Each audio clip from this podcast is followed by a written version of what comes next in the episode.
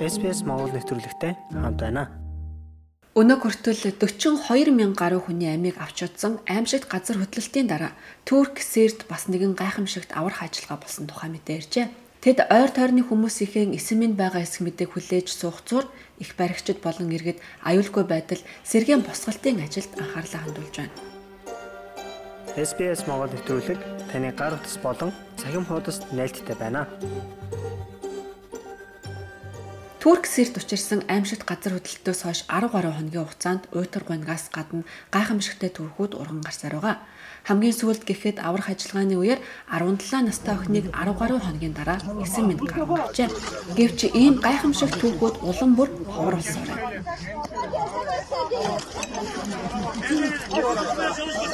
Маш олон хүмүүсийн гэр бүл төрөл төрөсөд сургаггүй хിവэр эсвэл нас барсан нь тодорхой болжээ. Өнөөдрийн байдлаар 42 мянга гаруй хүн амнасаа алдсан нь тодорхой болж байна. Куара мон Махрахши эрен хайх аврах багийнхан ажиллагаагаа үргэлжлүүлсээр байна.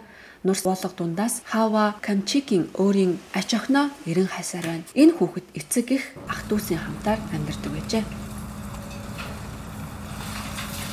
Энэ айлаас гэхэд зөвхөн нэг хүн олцсон. Одоо тэрээр нах зах болон авах хичээнд амьдарч байгаа юм байна. Аж охин аж охиноо эрен хайсан нэгэн эмээг яриаг одоо танд хүргье. Çok tatlıydı kendisi. Çok şekerdi böyle 11 yaşlarında. Тэр минь 11 настай маш хөөрхөн охин байсан. Эмээ бит хоёр хамт амьдрна гэж хэлдэг байж билээ. Маш ухаалаг, гайхалтай сэргэлэн охин байсан. Үнэхээр үзэсгэлэнтэй, хацар нь хонхойдог, том хар нүдтэй, булцгар бас их игдүүтэй охин байсан. Би түүнийг хаач байсан олохыг хүсэж байна. I want to find her wherever she is. Ona ulaşmak istiyorum. Neredeyse ulaşmak istiyorum ben. Хедейтийн өвөө Талиб Камчи мөн бидэнтэй ярилцсан юм а. Тэрээр гэр бүл болон хамаатан саднаа алджээ. Yani şu anda At the moment, my daughter, son-in-law, Одоогоор охин хүргэн нэг ач зай маань өөд болжээ. Манай эгч хүргэн ах хоёр өөр байранд насварсан. Бидний сэтгэл зүйн байдал хэлхийн аргагүй байна. Бид маш хүнд байдалд байна. Газар хөдлөлтийн дараа олон хүн гэр оронгүй болж төр хорогдох майханд амьдарч байна. Гэвч Туркийн хилийн ойролцоох Сэрийн Алт Тулуул хотод үер болж тэдний зовлон улам бүр нэмэгдэжээ. Газар хөдлөлтийн дараа ойролцоох жижиг далангийн хагарал үүсч элсний утаар бэглэхийг оролцсон гэж нутгийн иргэд ярьж байна. Майда хэмээх бас нэгэн эмэгтэйтэй бид ярилцсан юм а. Адар борооны улмаас голын урсаж нэмэгдэж хотын барилгуудын үлдлэгдлийг үерт автуулсан талбай болон байшингууд булангар хүрэн усанд автжээ. والله كنا مهزومين برا بالشارع الدنيا مطر واجانا فجأة الزلزال لبين ما Газар хөдлөлт дараа нь үер усны дараа 10 минут ч бид унтаж чадаагүй. Хин ч амарсангүй. Бид хүүхдүүдтэйгээ аав ээж ах トゥ нар хөгсчүүдтэйгээ бороотой хүйтэн гудамд гарлаа. ماشيين بالشوارع نحن اولادنا و... وامي وابوي واخوي واخواتي وجيراننا اولاد جيراننا كلياتنا بيركين بالشوارع تحت المطر بالبرد Сэрийн өмөрд нутгийн Жендерес хотод хулгайн дээрми хэрэг ихсжээ. Махмуд Сахбери зэрэг оршин суугчид тус хотод анхны аврах ажиллагаа явуулснаас хойш хулгайн хэрэг гарсаар байгааг хэлж байна. Тэд хөргөгч угаалгын машин мөнгө, алт олсон бол бүх зүйлийг өөртөө авч хулгаалдаг. Тэд олсон бүхнөө авдаг. Хаанаас ирснийг нь ч бид мэдэхгүй. Энэхүү дээрмэн Сирийн Аль Шакия арми гэгддэг босгочдын нэг бүлэглэлийг сайн дураараа хамгаалт нь гаргахад хүрсэн байна. Энэхүү бүлгийн гишүүн Махмад Абу Стей Иф хотын иргэдийн өмч хөрөнгийг хамгаалахын тулд 24 цагаар ээлжлэн харуулт гарч ажиллаж байгаа ярьлаа. We tried to cover 4 or 5 neighborhoods. Би зарим хуршуудыг хамгаалахыг оролдож байна. Бид 4 5 хорооллыг хамгаалах гэж оролдож байна. Бид үүнийг бурхны тусламжтайгаар хийсэн. Цэргүүдийн хувьд бидний үүрэг бол эндхийн энгийн иргэдэд туслах явдал юм. Яагаад гэвэл энд тэндээс хулгай хийх гэж байгаа муу санаатай хүмүүс олон иржээ. Intentioned people who are trying to steal from here and there. Ийм шуналтны түүхийн дунд өгөөмөр сэтгэлтний тухай төгч илүү олон байдаг.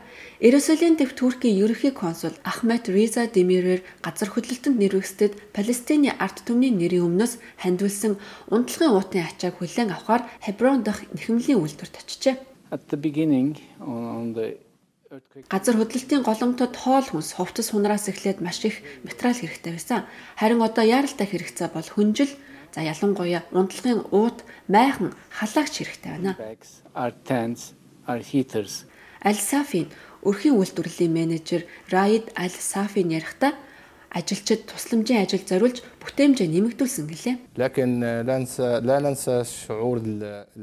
За ер нь бид өдөртөө гэхэд 1000 унтлагын урт хийдэг байсан.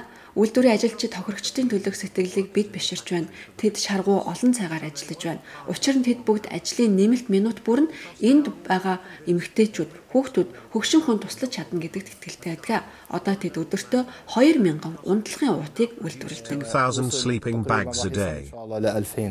1,000 sleeping bags a day. ل 2000 قطعة يوميا Яаралтай тусламж үргэлжилсээр байгаа бөгөөд Сирийн ерөнхийлөгч Башир Ал-Асад телевизээр үг хэлэхдээ эдийн засаг, нийгэм, үйлчилгээний тулгамдсан асуудлуудын цар хүрээнээс шалтгаалсан тэдний нөөц хомсдож байна гэж мэдгдсэн. Нэгдсэн үндэсний байгуулагч үүнийг зөвшөөрч эх саруудад Турк Сирдэх сая саяар иргэдэд туслахын тулд 1 тэрбум гаруй доллар хандуулахыг олон улсын хамтын нийгэмлэгт уриаллаа. Олон улсын улаан загалмай нийгэмлэгийн хэлснээр одоо хамгийн чухал хэрэгцээний нэг нь эрүүл мэндийн тусламж гэлээ. Ерөнхий нарийн бичгийн дараагж байгаа нь Чапаген Сир газар хөдлөлтөөс өмнө эрүүл мэндийн нэг бус хямралтай тэмцэж байсан гэж хэлсэн юм а. There are clearly concerns on the health concern, particularly Ялангуяа Алеппо хотод эрүүл мэндийн асуудал санаа зовж байгаа нь тодорхой. Та бүхний мэдэж байгаагаар газар хөдлөлт болохын өмнөхөн тэнд холиор өвчтэй байсан бөгөөд холиорын эсрэг ажиллагаанд дэмжлэг үзүүлэн манай байгууллага ажиллаж байсан. Нийтийн төвөөдөд суур багж хэрэгсэл байгаа. Гэхдээ байдал хүн твээр удаан хугацаанд үргэлжилвэл эрүүл мэндийн сөрөг ноцтой асуудал үүсч болзошгүй байна.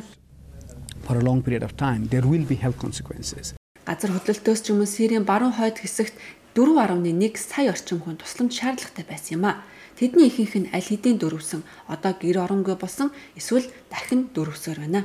Чипагийн хэлэхдээ Сир улсад маш хурдан орон сууцаар хангахгүй бол илүү аюултай өвчний дэгдэлт нүүрлэж магад гэлээ. It's still very, very cold, and people are living on this community center. Одоо ч гэсэн маш хүйтэн хэвээр байна. Хүмүүс олон нийтийн байранд амьдарч байна. Сирийн Араби улаан хавирган сар тэнд маш хурдтайгаар ажиллаж байгаа олон улсын байгууллагууд тусламж авчирч өгч байгааг би хэлэх хэрэгтэй. Гэвч тэнд хэрэгцээ их хэвээр байна. Жишээ нь миний зочилсон сургуульд гэхэд маш хүйтэн өрөөнд хүмүүс амьдарч байгаа. Тиймээс хамгаалах байр нь яг одоо хамгийн чухал зүйл юм.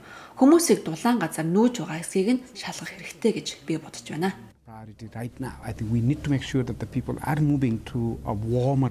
Турк улсад орон сууцны тал дээр харьцангуй сайн мэдээтэй. Өмнөд Хатай мужид гэхэд барилгуудын тал хувь нь нурж ихээхэн эвдэрсэн эсвэл хурдан нураах шаардлагатай болсон.